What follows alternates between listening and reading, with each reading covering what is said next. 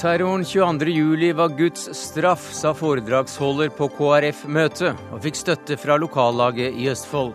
AUF-lederen forlanger en unnskyldning. Hun beskyldes både for brudd på taushetsplikten og for å ha gått ut over sitt mandat. Psykiateren ved Ila fengsel svarer for seg i Dagsnytt 18. Og stolt trebarnsmor og dedikert bokorm. Kronprinsessen er på Twitter. Hvorfor det, spør Dagsnytt 18.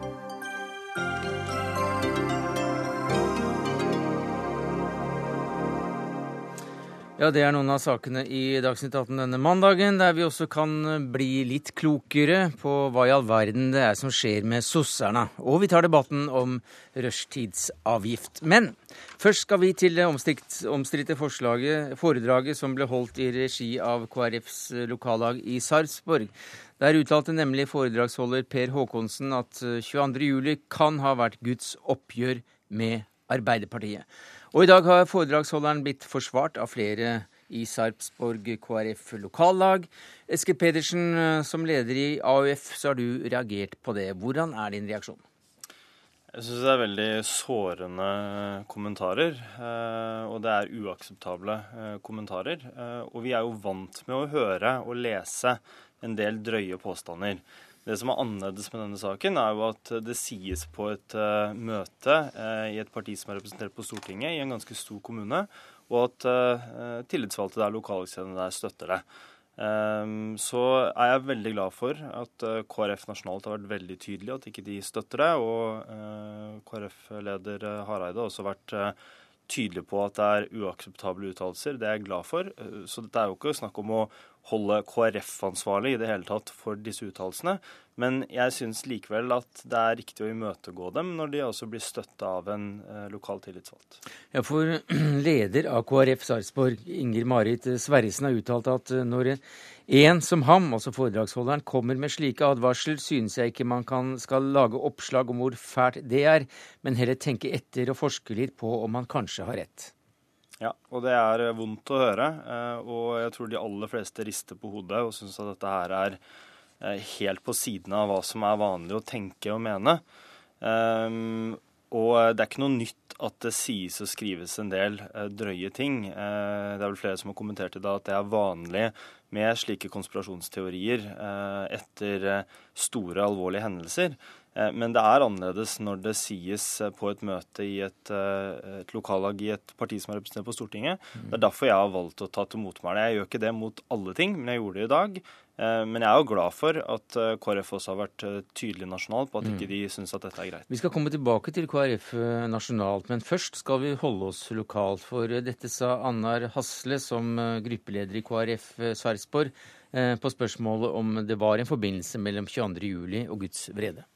Det kan ha vært en advarsel fra Gud. Vi må bestandig holde det åpent.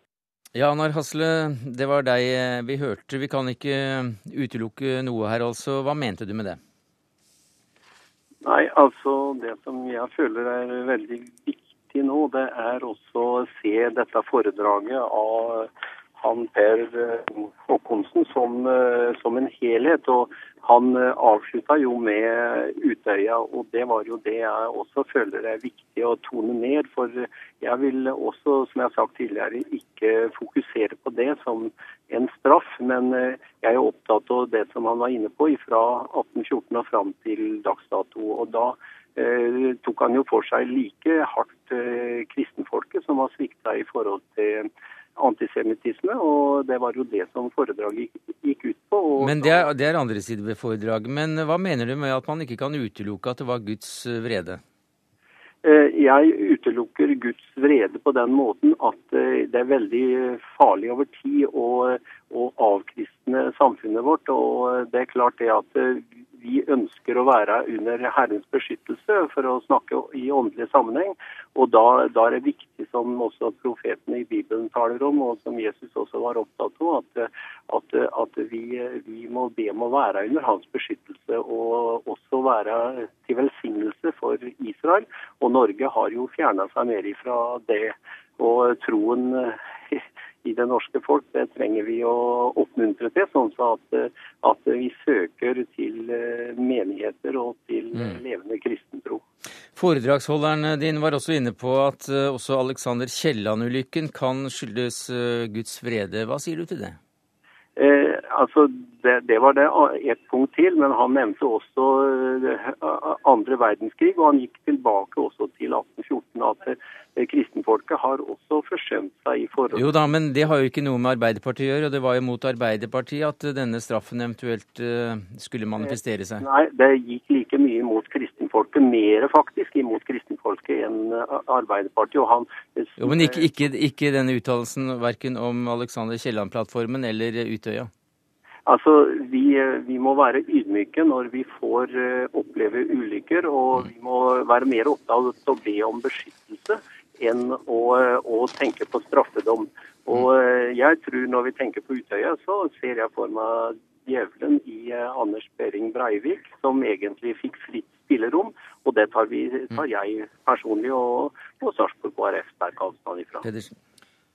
Det var ikke Guds vrede den 22. juli. Det var én mann som var ansvarlig for de grufulle handlingene mot regjeringskvartalet og Utøya. Eh, det er én mann som står ansvarlig for at alle de livene gikk tapt.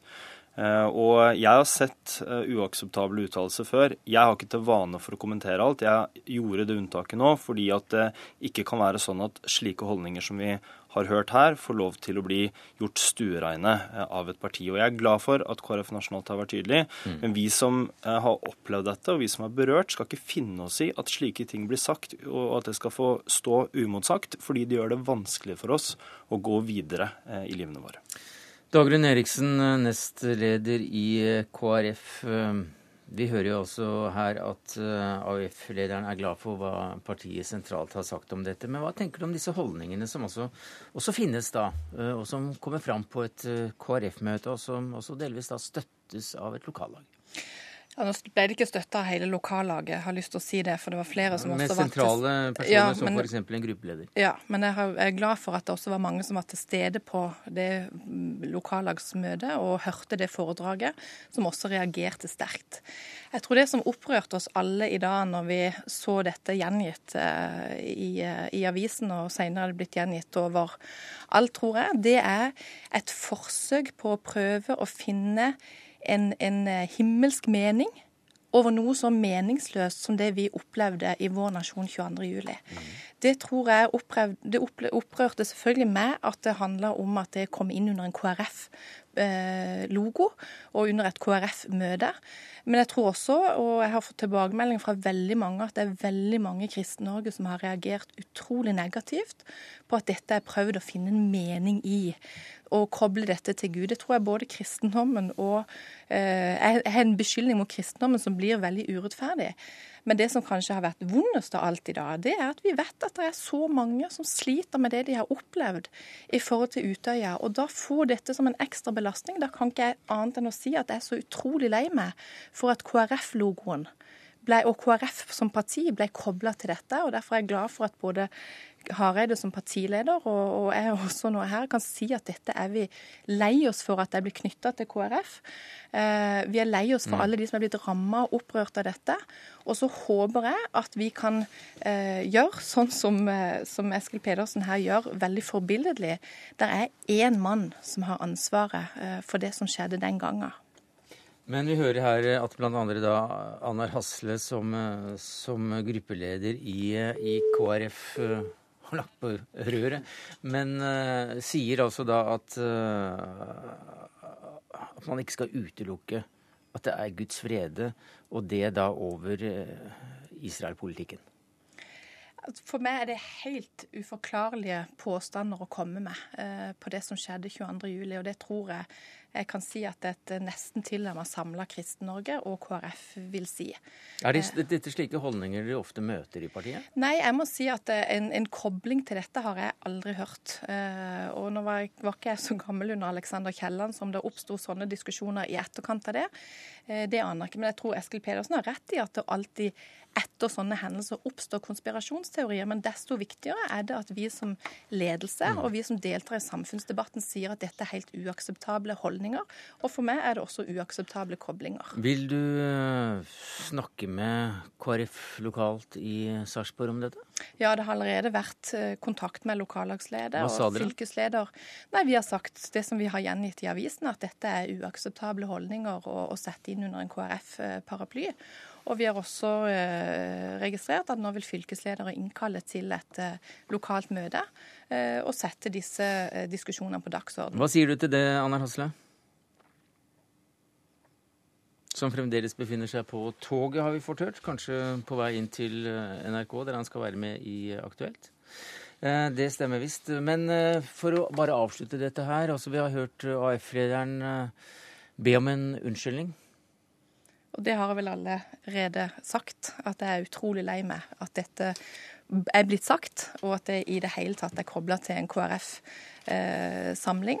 Eh, men jeg også eh, tenker at det som er eh, veldig bra, er at Eskil Pedersen og hans folk sier fra at dette er uakseptabelt. Og jeg tror det er også viktig at vi som ledelse av partiet sier at denne type holdninger ikke hører hjemme verken i KrF-sammenheng eller i andre arenaer. Takk skal du ha, Dagrun Eriksen, nestleder i KrF. Takk til deg, Eskil Pedersen, leder av eh, AUF. Og til Annar Hasle, altså på toget. Det var eh, akkurat aktørene her. Helge Simones, du er redaktør i, i Vårt Land, foredragsholderen. Og forfatteren eh, Per Håkonsen knyttet altså det han kaller Norges dårlige behandling av Israel, til Utøya-massakren. Hva slags gjenklang har dette i deler av KrF? ikke veldig eh, stor gjenklang i det kristelige miljøet lenger, men det er helt åpenbart at dette rammer, og du hørte Dagrun Eriksen her, dette rammer eh, KrF på sitt aller ømmeste punkt, fordi at det synliggjør hvor galt det kan gå av, av sted når eh, politikk og teologi blir eh, blanda sammen på en måte som folk flest ikke forstår noe av i hele tatt. Ja, Per eh, Håkonsen, han som holdt dette foredraget, han fikk vi ikke tak i i dag, rett og slett. Vi har prøvd flere ganger. Men i ettermiddag så var det også da flere KrF-ere som har gjentatt at dette kan være et uttrykk for Guds vrede.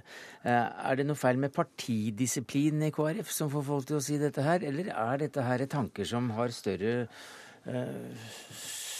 som er større i omfang enn det vi kanskje tror. Ja, Nå skal ikke jeg svare for KrF, men jeg, kan, jeg har eh, eh, Per Håkonsson han er ikke noen hvem som helst sånn eh, i forhold til Israel og, og, og de forholdene der.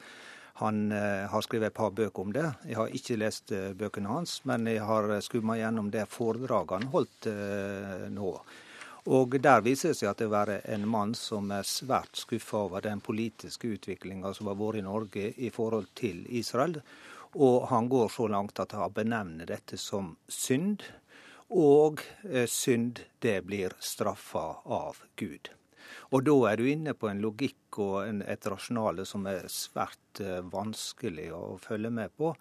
Men det er faktisk noen tanker som gjør seg gjeldende i deler av kristen, eh, det kristelige Norge. På, på ganske lavkirkelig plan, riktignok, men eh, det er noe vi av og til ser. Og som blir helt forferdelig når det blir knytta opp til en slik situasjon som her, nemlig at det er pårørende fra Utøya og pårørende fra Alexander Kielland som får høre at det, dette er egentlig Guds straffedom. Mm. Altså det er våre barn eller våre ektefeller som som måtte dø for at Guds straffedom kunne oppfylles. Og Det er jo så forferdelig, og det er så grusomt. Og det, det tegner et gudsbilde som er helt fullstendig på avveie. Og det er virkelig grunn til at eh, KrF uh, bruker all sin kraft på å ta avstand mm. på den type tenkning. Asbjørn eh, Dyrendal, hva sier du om, om dette som religionshistoriker?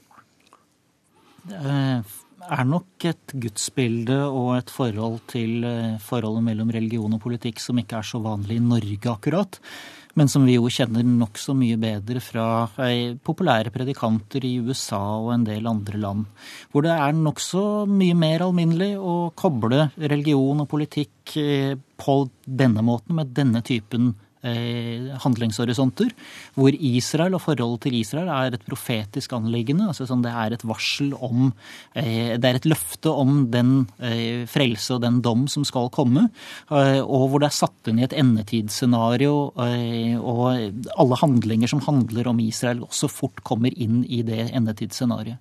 Her blandes altså bibelsyn inn i politikken? Ja, det gjør det. Og det er helt, helt normalt og forståelig ut fra visse sånn mer fundamentalistiske teologiske synspunkt, hvor Bibelen er siste ord i utgangspunktet for eh, det som skjer i verden, og det som, det som er av Guds ord. Men du, du nevnte USA. Hva slags utslag gjør det seg der? Nei, Vi har jo sett det tidligere også under tsunamien f.eks. I, eh, i Thailand. Vi har sett det i forbindelse med, med jordskjelv og påfølgende tsunami i Japan. At det blir kobla opp til eh, straff for ulike former for synd. tillatelse tillatelse, homofili osv. Jeg ser eh, Dagen-redaktøren har sammenlignet dette her med holdningen i Westboro Baptist Shirt, en knøttliten mikromenighet i, i USA, som jo demonstrerer ved falne soldaters grav og sier at dette her handler om USAs liberale forhold til homofili. Det er et ekstremt utslag, men er, du finner andre varianter av det samme også. Det er et forsøk på å skape mening i det meningsløse.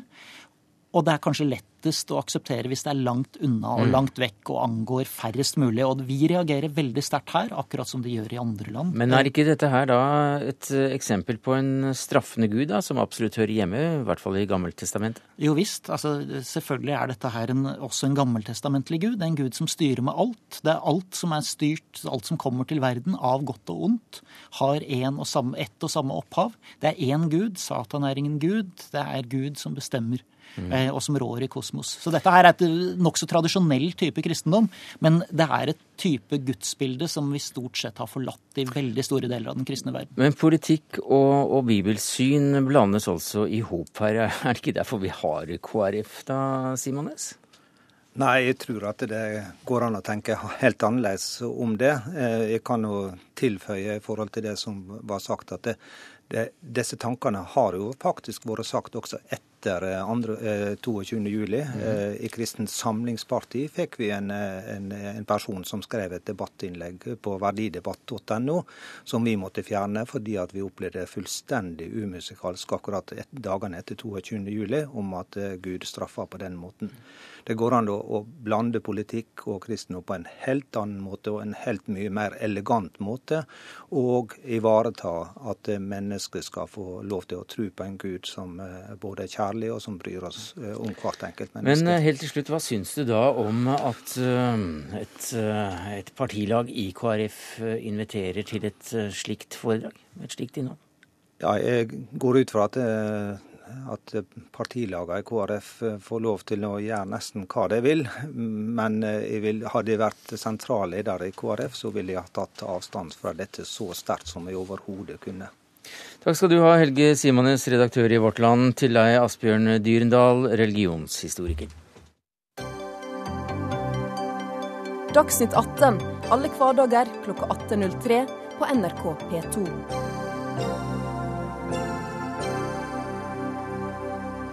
Ja, Så til debatten om eh, Behring Breiviks diagnose og ikke minst oppnevnelsen av nye sakkyndige. For som kjent vil tingretten ha to nye sakkyndige, mens forsvarerne anker denne avgjørelsen og peker da på at tingretten har tatt hensyn til tre rapporter skrevet av psykiater Randi Rosenquist som rådgiver for direktøren ved Ila fengsel og forvaringsanstalt. Hva er det du egentlig skulle vurdere, Rosenquist? Jeg er ansatt på Ila forvaringsanstalt for å vurdere risiko for forvaringsdømte og for en del andre innsatte, hvor fengselet trenger å vite noe om dem for å kunne håndtere dem på best mulig måte. Og da var det naturlig også å trekke en diagnose ut av dine altså, observasjoner? Altså, jeg har ikke satt noen diagnose. Jeg har snakket med Breivik to ganger, som nå alle som leser avisene vet. Og det første var etter at han var blitt eh, hadde vært isolert i tre måneder, hvor direktøren ville ha min eh, vurdering av om han var blitt skadet av dette. Og jeg sa jo til ham at jeg visste jo at han hadde kontakt med helsevesenet, men de har taushetsplikt vis-à-vis direktøren. Slik at jeg snakket med ham da, og så snakket jeg med ham seks uker senere, da da han hadde fått tilgang til media og lest den rettspsykiatriske rapporten, for vi tenkte at det kunne kanskje gjøre ham ustabil, slik at fengselet trengte å vite noe mer om hvordan de skulle håndtere ham. Mm, også pga. soningsforholdene. Altså. Nettopp. Eh, men du stilte deg da ganske raskt tvilende til, eh, til diagnosen psykotisk paranoid. Altså Det jeg har sagt, er at jeg har ikke uttalt meg om hvordan han var i sommer. Mm. Men, men, de, men de så... to gangene jeg snakket med ham, så virket han psykisk veldig stabil og, og rolig. Og, og, og det, det bød ikke på noen spesielle problemer. Så leser vi da at, eh, at uh, fylkeslegen uh, synes at dine rapporter da, og at det offentliggjøres, at det også er et brudd på taushetsloven. Hva sier du til det? Jeg er jo lei for at det blir offentliggjort, men det er det jo ikke jeg som har gjort. Men jeg skriver rapporter til direktøren i fengselet. Det, det har vært ansatt psykologer og, og nå også en psykiater da i, i, mange år som har skrevet slike rapporter til direktøren. Og så har direktøren og politiet et visst samarbeid, da. Og det, det ligger utenfor mitt mandat, så jeg har jo ikke lekket noe til mm. noen som helst. Men så sier han også at uh, de tre notatene du har skrevet, går langt utover ditt mandat. Jeg må si jeg vet jo ikke om han har lest dem. Og han vet antagelig ikke hva mitt mandat er. Og jeg tenker at han vel kanskje har trodd at jeg har vært behandler. Mm. Eh, han øh, ville ikke komme hit, så sånn er det. Men Eh, du nevnte da at det var, eh, det var, eh, viktig å få noen inn som ikke hadde med helsevesenet å gjøre, fordi at helsevesenet er underlagt en helt annen type taushetsplikt enn en det din stilling har. Ja. Vi har altså helse, helseloven på den ene ja. siden, og hva har vi da på den andre siden? Det, vi har forvaltningsloven. Som, som, da gir ulike rom for, for dette med, med taushetsplikt? De som er ansatt i kriminalomsorgen, de har alle taushetsplikt etter forvaltningsloven. Mm. Og vi må må da naturligvis kunne snakke med hverandre innenfor kriminalomsorgen. Men vi har ikke lov til å gå ut og snakke om det vi opplever om personlige forhold mm. på, i fengsel. Men det er noe annet enn den taushetsplikten som helsepersonell har. En, en mindre streng, faktisk? Eh, Nei, altså ut i det offentlige rom så er det jo like det det strengt. Men hvem man kan men, snakke til? Men hvem man kan snakke mm. med, det, det er ulike eh, mennesker man kan snakke med. Nei, for eh, her hører vi jo at uh, forsvarsadvokatene mener at tingretten ikke burde tatt hensyn eller lest de, de, rapportene dine. Men jeg forstår det slik at, at gangen her jo er ganske klar. For du skriver en rapport til en direktør, slik du har ja. ifølge ditt mandat. Ja. Direktøren ø, sender dette til politiet, Jaha. slik uh, man kan. Uh, med en gang det er politiet, og så er det sakspapiret for så vidt, som tingretten uh, nesten er pliktig til å forholde seg til? Ja, altså om tingretten er pliktig til å forholde seg til det, det vet ikke jeg. Det kan, Men i det øyeblikk det blir et, et straffesaksdokument, ja. så vil jo både forsvarer og, og påtalemyndigheten har kjennskap til det, og så vil de måtte velge hva de legger frem for tingretten. Og dermed så sitter tingretten der med de papirene som du også skrev. Kjersti Naru, du er overlege og psykiater ved Oslo universitetssykehus. Og du har tidligere bl.a. her i Dagsnytt 18 argumentert sterkt for at vi bør holde oss strengt til rettsstatens prinsipper om rettspsykiaternes rapporter og, og vurderinger. Hva sier du til dette? Ja, jeg mener fortsatt det. Jo, jo. Eh, ja, jeg, og jeg hører jo hva Rosenkvist sier. Hun mm. Eh, beskriver jo og forklarer sin rolle i dette mm. i forhold til det dokumentet eller de rapportene hun har skrevet til sin direktør. Og, og det er ett dokument som gikk vel den veien det da skulle gå, ifølge saksgangen. Eh, det som ikke er helt eh, vanlig, da, er jo at den skulle havne i, i, avisen. og Det er jo det samme med både den rettspsykiatriske erklæringen og også i og for seg utdrag fra journalene som er kommet eh, da fra Sandvika mm. psykiatriske poliklinikk, som har behandleransvaret her. Men det, det, lekker jo i alle ja, retninger her, sånn at det er umulig også. Ja. Men, men, akkurat dette her at det, det da framstår som nærmest parallellundersøkelser. Hva tenker du om det?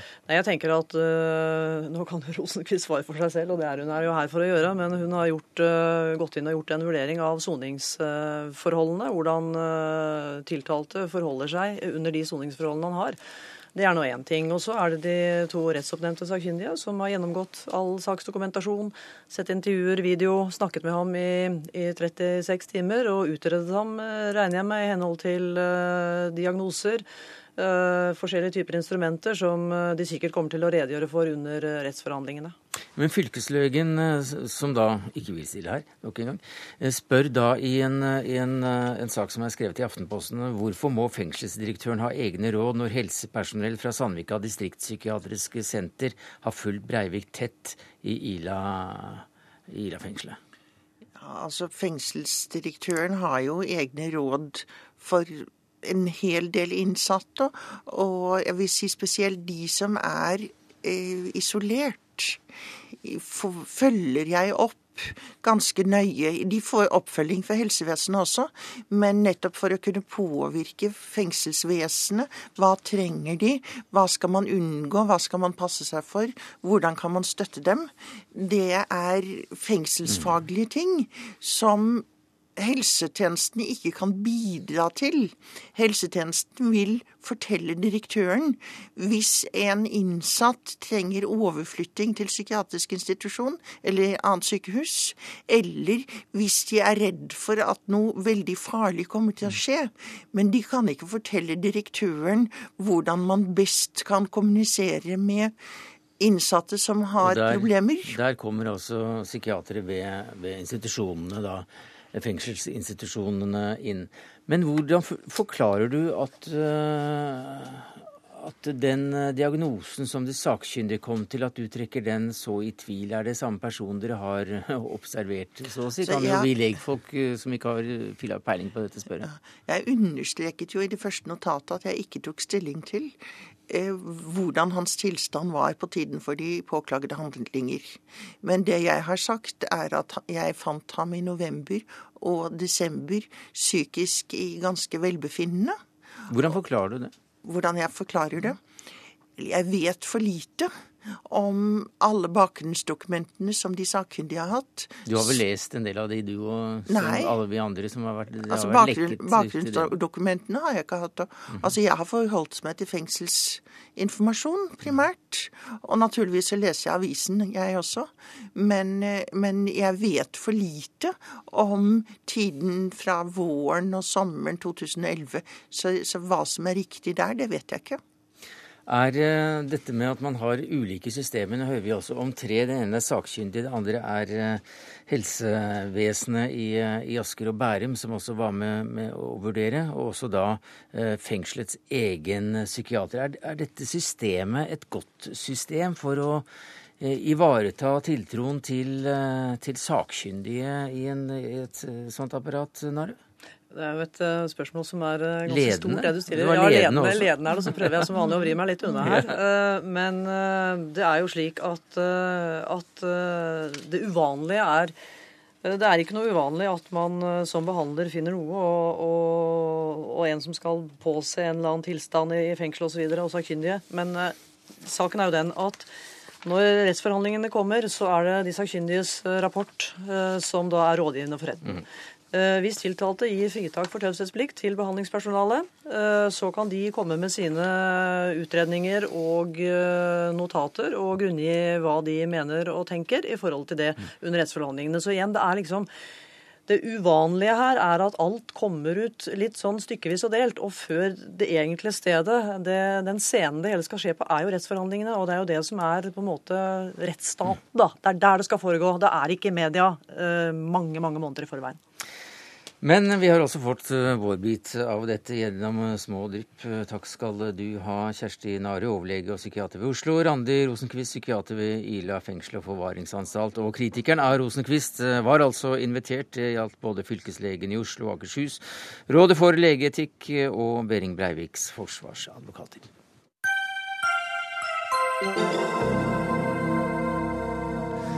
Ja, I dag så har vi hørt at regjeringen vurderer å pålegge kommunene å innføre rushtidsavgift. Miljøverndepartementet sier nå at det ikke er aktuelt med et slikt eh, pålegg.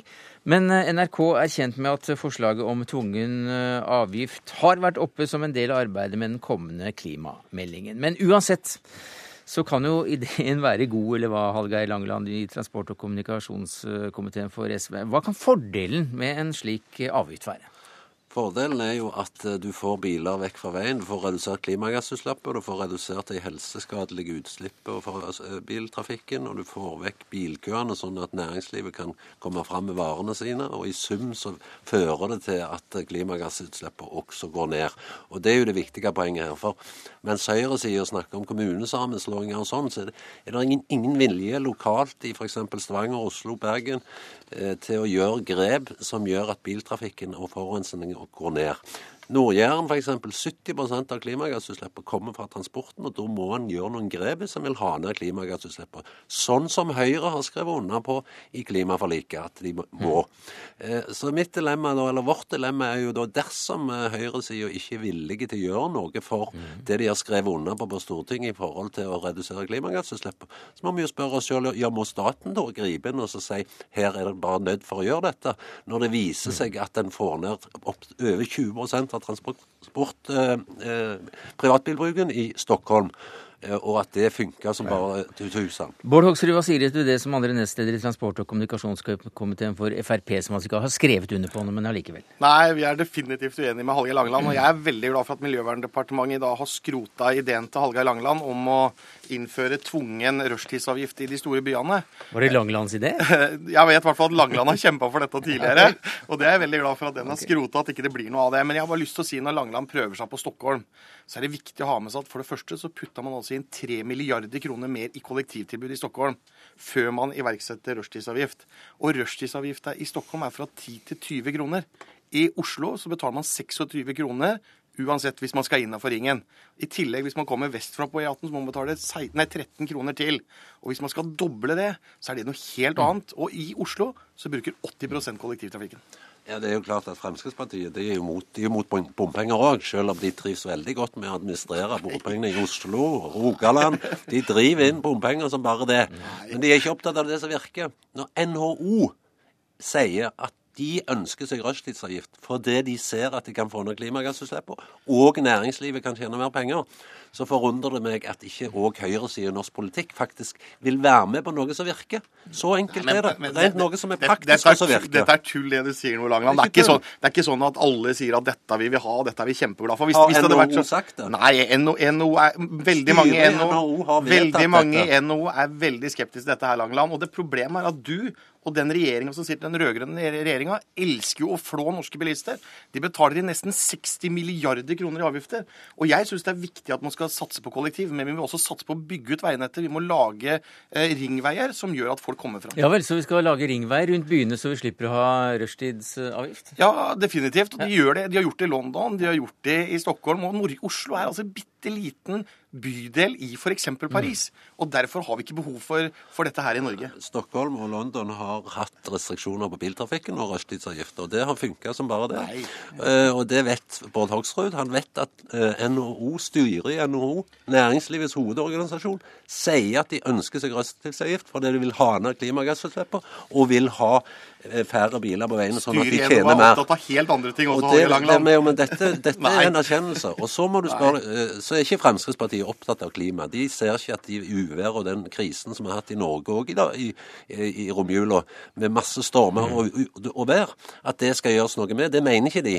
Men alle andre partier mener det. Mm. Problemet er lokalt. Når de da får, får makt, så gjør de ikke og, men, da, dette, og da er vi tilbake til utgangspunktet. Ja, og sant? Utgangspunktet akkurat her nå, det er jo da at eh, det ser ut som eh, en kampsak for deg som SV-er at det bare er rike mennesker som skal få lov å dra inn til byen i rushtiden? Det er jo det Trygve Hegnar bruker som argument for at han er for dette, fordi at han da ja, kan kjøre sjøl. Men dette er altså, det må kombineres selvsagt med at du har et skikkelig kollektivtilbud, og rimelige kollektivtilbud, at bygge opp det. Men så må du altså da spørre deg sjøl, skal du ha den biltrafikken du har i dag i de store mm. byområdene? Skal det være sånn at Bergen må stenge ned byen fordi at det er livsfarlig å bevege seg ute pga. svevestøv og annen forurensning? Eller, skal en gjøre noe med det? Eller i Kristiansand, der du er varaordfører, Jørgen Kristiansen for KrF. Hvordan stiller du deg til eh, en eventuelt påtvungen avgift? Nei, Det er jo helt klart at uh, vi liker jo selvfølgelig å bestemme sjøl, og har ikke veldig mye sans for hvis noe sånt skulle bli tredd nedover ørene. Men jeg er veldig glad for de signalene som nå kom på utover dagen, da, at uh, det kunne se ut som at de har tenkt å trekke det forslaget. Men hvis det, hvis det kommer som et krav, så er det jo klart at uh, det er jo sannsynligvis ingen av, av storbyene som ville hatt råd til å si nei, nettopp fordi at vi, vi har ikke råd til å si nei til flere hundre millioner kroner. Nei, Hadde det ikke vært flott da hvis staten sto for de upopulære vedtakene, og dere bare kunne håve inn penger på det? Eh, det er, det er jo ingen tvil om at en russiskavgift eh, fungerer, men det som en da ville blitt det store spørsmålet, er jo hvor stor skulle denne russiskavgiften ha vært? Vi får vite det av han som er, eh, har tatt farskapet for det. Ja, det. Vitsen er jo da at det skal være så stort at folk setter bilen hjemme og tar bussen og toget. 100 kroner. 100 kroner. Nei, nei, nei, nei, jeg vil ikke operere med det. Altså, I Sverige hadde de 20, 20 kroner. Uh, og hvis vi snakker om en 30 kroner, altså en økning på 10 kroner, så kan det være nok, f.eks. i Oslo. Det er, bare, det, er bare tull, ass. det er bare tull å si at en økning på 10 kroner er nok, Hallgeir. Uh, for det første så er det sånn at dette er en utrolig dårlig måte å kreve inn penger på. I Stockholm så går altså halvparten av alle pengene de får inn på rushtidsavgift, går til å administrere ordninga. Vi behøver ikke mer penger til å administrere ting. Vi trenger faktisk å bruke penger til å bygge vei, til å satse på å bygge ut kollektivtilbudet. I Stockholm så sier folkeflertallet fortsatt at de vil beholde rushtidsavgiftssystemet. Det forteller noe om at Kristiansen, du får bare hive det på fra ja, Kristiansand. Nei, det er jo sånn, Vi har jo litt undersøkelser på det, og det viser jo det at priselastiteten på dette må, du må opp mot 50 kroner skal du ha noe som helst effekt. For dette, Som småbarnsfar eller småbarnsmor så har du en enorm betalingsvilje for nettopp å bruke buss. Så, eh, og vi har bare fått ta Kristiansand For å bruke buss? Nei, for å bruke, for å bruke bil. Beklager. Takk. Ja. Eh, nei, altså, vi økte Vi dobla bompengene fra 10,50 til 21 kroner. Da så vi at vi fikk en nedgang.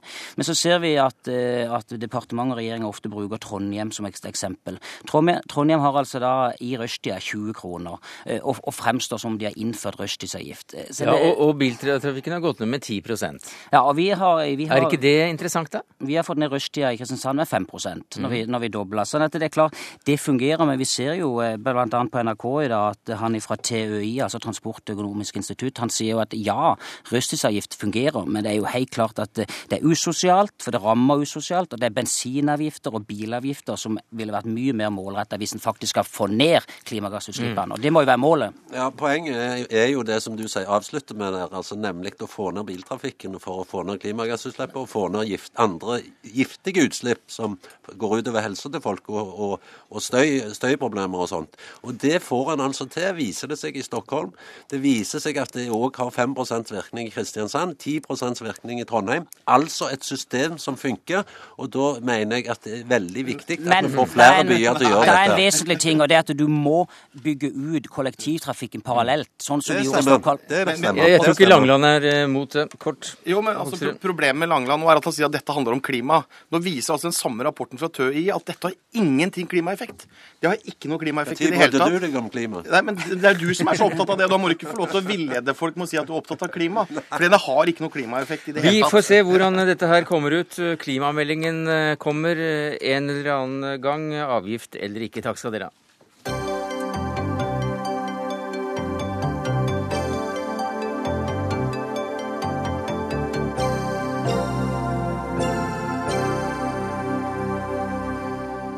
Bare noen dager inn i sin nye Twitter-tilværelse har kronprinsessen flere følgere enn de fleste kan drømme om. Over 17 000 personer følger nå Mette-Marit på Twitter, bare fem dager etter at hun åpnet kontoen sin. Hun beskriver seg selv som en stolt trebarnsmor og en dedikert bokorm. Cecilie Staude, du er ekspert på sosiale medier ved BI. Eh, Hvorfor følger du kronprinsessen? Jeg følger eh, kronprinsessen fordi jeg syns det er interessant å se hvordan hun, på lik linje med 250 000 andre nordmenn, eh, tar i bruk eh, nye plattformer for å kommunisere med omgivelsene. Eh, Jeg syns det er tøft av kronprinsessen å etablere seg på de sosiale mediene. Hun har nok eh, også da erkjent, på lik linje med veldig mange av oss, at de sosiale mediene åpner for å kommunisere mer direkte med folket. Og eh, med hennes utgangspunkt så kan jo det redusere avstanden mellom kongehuset og folket, og også gi et bilde av henne Mm. som en mer moderne prinsesse som kommuniserer på nye måter med omgivelsene. Hva bruker hun profilen til så langt? Langt? Det er vanskelig å si, for hun har jo bare vært på sosiale medier og på Twitter noen få dager. Men det jeg eh, syns jeg kan se, er at hun prøver å bruke Twitter til å vise litt andre sider av seg selv. Hun eh, har på profilen sin at hun er stolt eh, trebarnsmor. Mm. Eh, hun ønsker å kommunisere med følgere i ulike samfunnslag. Eh, det ser jeg på de hun følger eh, på profilen sin. Men foreløpig så er det vanskelig å si hva som egentlig er målet. Hedvig Skontoft Johannessen, du er sosiolog og du er stipendiat ved Høgskolen i Oslo og Akershus. Hvor godt synes du kronprinsessen klarer seg på Twitter? Foreløpig Sånn har hun vært der siden 18.1, og det er ikke lenge siden så foreløpig så, så, ser det veldig greit ut. Altså hun, hun eh, Noe av det som er, er, greia med sosiale medier, og kanskje særlig Twitter, det er jo at, eh, at eh, det er en liten forsamling som er på Twitter, og de er, mange av dem er innflytelsesrike og i mediene. Og hvis det er noe som eh, Twitter ikke liker, så er det folk som driver bare med skamløs selvpromovering, og som ikke svarer på henvendelser. Ja, hva, hva, og Mette-Marit, hun svarer. Svarer? Hun, ja, hun svarer. Hun svarer personlig til folk, og hun, eh, ikke minst så sender hun videre andre sine beskjeder til sine følgere, og de er som du sier, det er over 17 000 nå, i hvert fall da jeg sjekka i totiden i ettermiddag. Eh, sånn at hun, eh, hun har, viser at hun skjønner dialogpotensialet som ligger i Twitter. Hun, Men så, så, er det jo noe med at, at, det er jo alltid interessant med sosiale medier i forhold til hvordan de som bruker det, prøver å, å presentere seg selv. Ja. Ikke sant? Hvor, hvordan vil hun presentere seg? Mm, altså Foreløpig så syns jeg det ligner litt mer på sånn eh, husmorblogg-stil. Altså at hun er opptatt av, av, av, barn og bøker, og hvem er ikke det? Eh, men eh, hun er jo også landets kronprinsesse og kommende dronning, ja, det, og det, har veldig mye makt. Det jeg leste her, det var at hun var eh, svært interessert i en engelsk oversettelse av nobelprisvinneren i litteratur Wislawa Szyborska, som eh, få hadde hørt om før hun fikk nobelprisen. Så så få at vi måtte ringe til Jan Erik Vold i sin tid. Men, men slike ting er også ting ja, så, som hun kommer ja. fram med. Ja, så sier hun at nå, er hun, nå leser hun Tsjekhov. Mm. Uh, hun hadde et uh, Philip Roth-maraton før dette, så hun, hun uh, sine litterære interesser de er jo ganske høykulturelle. Hva er fallgrunnen for slik virksomhet? Mette-Marit må være påpasselig i forhold til én ting, og det er det vanskelige skillet eh, mellom hun som privatperson og stolt trebarnsmor på Twitter, og den rollen hun har i sitt profesjonelle liv. Da mener jeg ikke bare den rollen hun har som kronprinsesse, men hun har også veldig mange verv i andre uh, ulike organisasjoner eh, som hun må være påpasselig på. Og det betyr at det hun legger ut på de sosiale mediene, i dette, dette, tilfellet Twitter, må samsvare med det inntrykket hun ønsker at folk skal ha av henne. Twitter er et veldig vanskelig format. Man har 140 tegn til rådighet. Det er veldig lett å bli misforstått. Det er veldig lett å bli feiltolket. Eh, og veldig mye av det hun sier, selv om hun hevder at hun er privatperson, kan fort assosieres med noen av de rollene hun har. Det handler om at hun da må være veldig bevisst på, eh, på de tingene eh, i de sosiale mediene. Ja, Det er jo noe med at, eh, at, eh, jeg tror at eh, kronprinsparets forvaltning av sine roller som kongelige mediesamfunnet, det innebærer jo at de har jobbet mye for å modernisere kongehuset. De har vært opptatt av uh, uhjelp, de har vært opptatt av svake grupper i samfunnet, og de har vært opptatt av å ha en åpenhet og invitere til dialog. Og sånn sett, Det passer sosiale medier veldig godt til. Og her har vi også da en, en ansatt som, som skal styre dette her, er det ikke slik? Det, jeg skjønner ikke hvordan, eh, hvordan, det skal Men gjøres. Hun, hun, fikk også da en twittermelding fra Jens Stoltenberg eh, da hun åpnet kontoen sin, som ønsket henne velkommen til Twitter. Eh, da fikk vi vite at hun feirer datterens bursdag. Men eh, er det, er det, en slik kronprinsesse vi vil ha, som, som er ute og tvitrer om, om, bursdagsbarna i familien?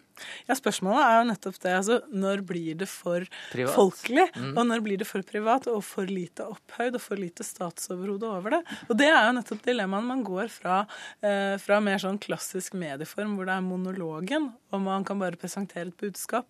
Og det er ikke mulighet for å svare tilbake. Eh, og kanskje også det er mange portvoktere som, eh, som eh, medienes redaktører som styrer det, til at man styrer sjappa sjøl.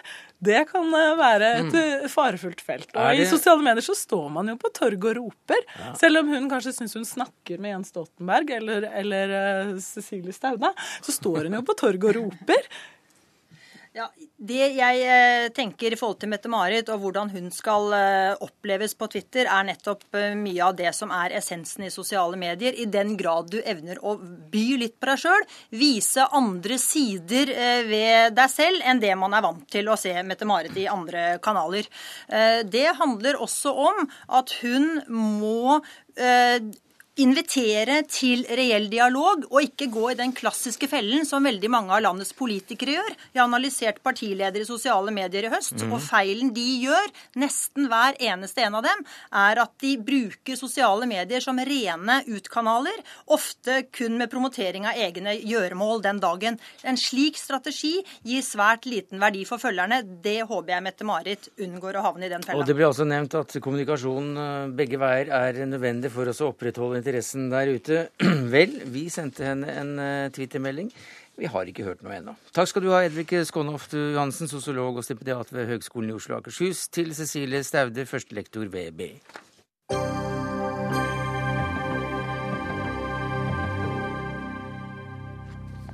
Da skal vi til eh, Sverige og krisen hos uh, sossarna, eller sosialdemokratene, etter at lederen Håkan Juholt trakk seg på lørdag.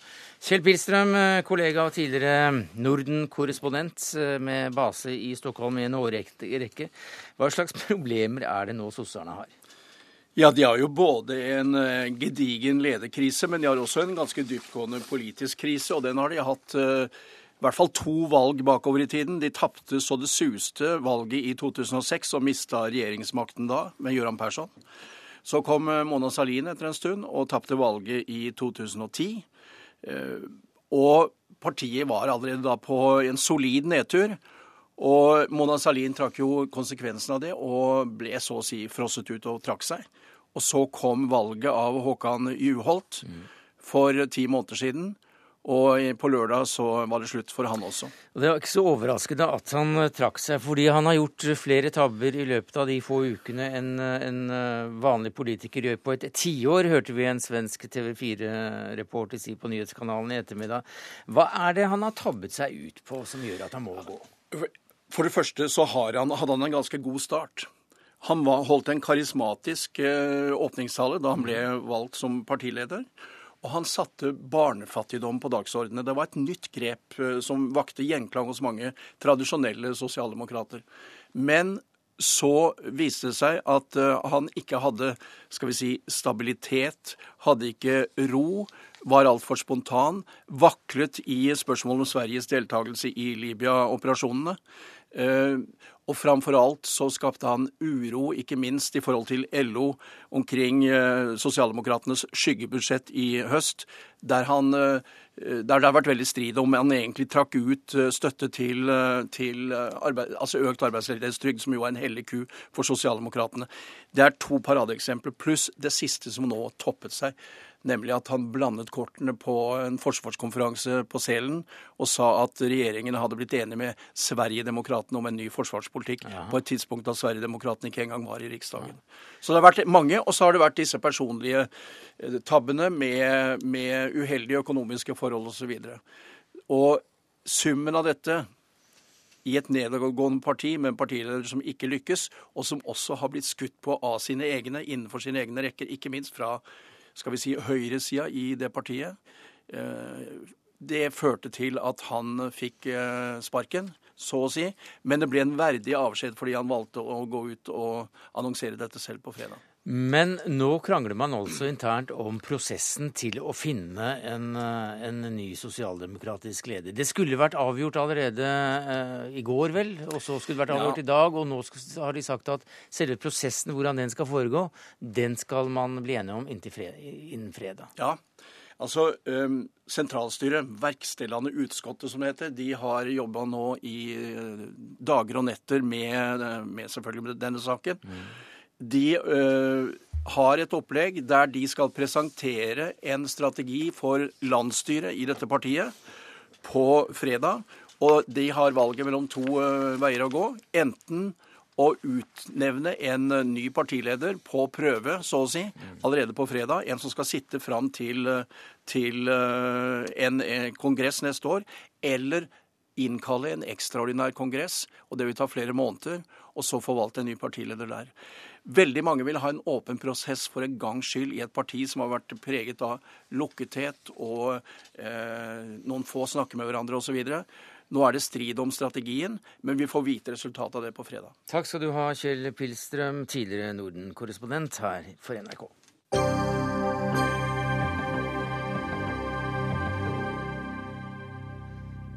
Det er jo eh, noen, eller noens levde liv, som eh, bare roper på en eh, biograf. Krokodillejakt, sjalusi, forhold til Karen Blixen, Henrik Sørensens yndling, en mystisk skjønnhet fra Kristiania, Kenya, Montparnasse, bohemen som hadde seg med et helt russisk mannskor, og som var en gedigen suksess som kunstner i mellomkrigstiden. Gry Iverslin Katz, dette med mannskoret, det var vel ikke så bokstavelig ment, eh, kommer det fram. Men eh, hvem var egentlig da den gåtefulle Jorunn Sitje, som da også er tittelen på boka di? Hun var en gang i tiden virkelig en stor kjendis i dette landet her. Mm. Og da selvfølgelig gjennom hva hun malte, spesielt da hun reiste til Afrika. Og begynte å sende skipslaster med bilder tilbake til Norge.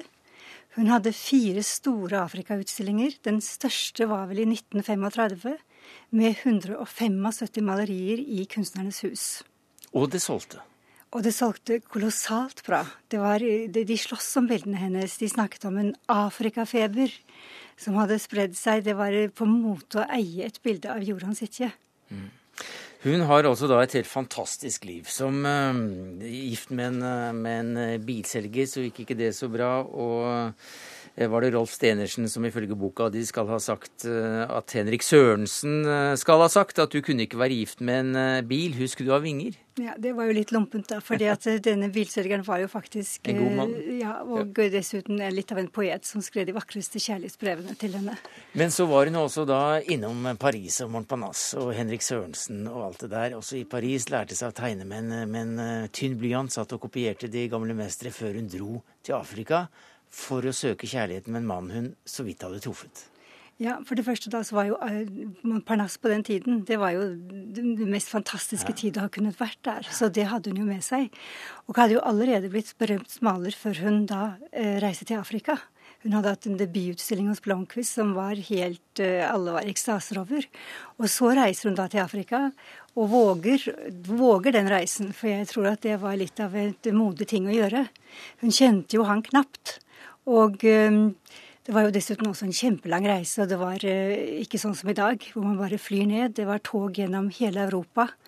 Så, til, så, stoppet hun i Roma og ble der noen måneder for å studere kunst, før hun da tok båten videre til Mombasa. Og der traff hun også igjen kjærligheten, en, ja. en norsk farmer der nede. Han hadde allerede vært der i ti år, og var egentlig ganske ensom og var på jakt etter en kone. Så når han traff Jorunn Sitje på en kort visitt han hadde i Oslo, så fridde han til henne umiddelbart. Mm. Og hun sa ja. Så det var jo veldig romantisk. Det er visse paralleller helt klart å, å trekke med en annen nordisk kvinneskikkelse. Eh, som om ikke var nabo, så bodde ikke Bliksen så langt unna. Nei, hun bodde jo i utkanten av Nairobi. Ja. Og Fridtjof og Joran bodde i toppen av Rift Valley i Rongai. Så det var jo nesten en dagstur med bil. Men de så hverandre, for de mm. var jo ofte i, i Nairobi for å handle og gjøre ærend. Og dessuten så bodde uh, Fridtjof Mors bror, Gustav Mor, i, i utkanten av Nairobi. Og han var Karen Bliksens beste venn. Hvordan var forholdet mellom uh, disse to kvinnene? Jeg tror at i begynnelsen så var den litt uh, anstrengt. Jeg tror Jorunn var litt redd henne. Hun var jo ganske bombastisk på mange måter. Og uh, ja. Mm. Og, um, og, kanskje det var en viss sjalusi. Karin Bliksen hadde jo et veldig vanskelig liv der. Og, og Jorunn malte jo i hvert fall. Og jeg tror at hun var litt frustrert, for hun hadde ikke begynt å skrive sine bøker. Det gjorde hun først når hun kom tilbake til Danmark etter 1931. Så dermed så fikk hun en konkurrent i det sosiale livet, som attpåtil var kunstner, og attpåtil var ung, vakker og suksessrik. Ja, det kan man nok si. det er jo vanskelig nok. Men hvordan vil du karakterisere bildene hennes? Altså, hun går vel for å være en impresjonist, da? Med... Ja, hun ble jo, ble jo, regnet som en av de viktigste impresjonister på 20-30-tallet. Og uh, når disse Afrikabildene begynte å komme til Norge, så var det jo ingen som hadde sett noe slikt noen gang. Og det var jo nesten synd, for hun ble tilbudt å ha en utstilling i London også, som ikke ble noe av. Og, og, det kom ene og alene av at hun måtte selv stå for forsendelsen, kostnadene og innrammingen, og de hadde ikke penger, så hun måtte si nei. Men jeg tror at disse bildene hadde under tiden også blitt veldig populære der. Så kommer hun tilbake, var det i 1939? I 1939 kommer hun tilbake med en, nok en kjempeutstilling. Og mm. denne utstillingen var dessuten litt annerledes, fordi hun hadde også malt da en rekke politiske bilder. Ja, for hun var jo antifascist, i hvert fall mot Franco. Ja, så det var da fra, fra, fra, krigen i Spania, og hun malte bilder som jøder skjuler seg i gammel kirke etc. Bare hoppe kort her, nå er sendinga vår snart slutt. Men uh, mannen dør uh, da i Afrika mens hun er i Norge, og ja. hun maler hele tiden. Og så holder nye utstillinger som også ikke får så god kritikk. Hvorfor det? Jeg tror at krigen og at hun mistet mannen sin i Afrika, gjorde at hun selvfølgelig preget hennes kunst. Slik at hun da Paletten kanskje ble annerledes, bildene ble annerledes, og det ble da mer en kritikk. Og nå er altså bildene ganske vanskelig å finne på gallerier eller museer. I hvert fall eh, for de som ikke har nøkler til, eh, til kjellerne på disse stedene. Eh, Blomkvist hadde en stor utstilling med hennes malerier i forbindelse med den boka di, og det er snakk om at det skal bli flere. Ja, vi håper det skal bli en på um, i Hokksund, hvor hun kommer fra.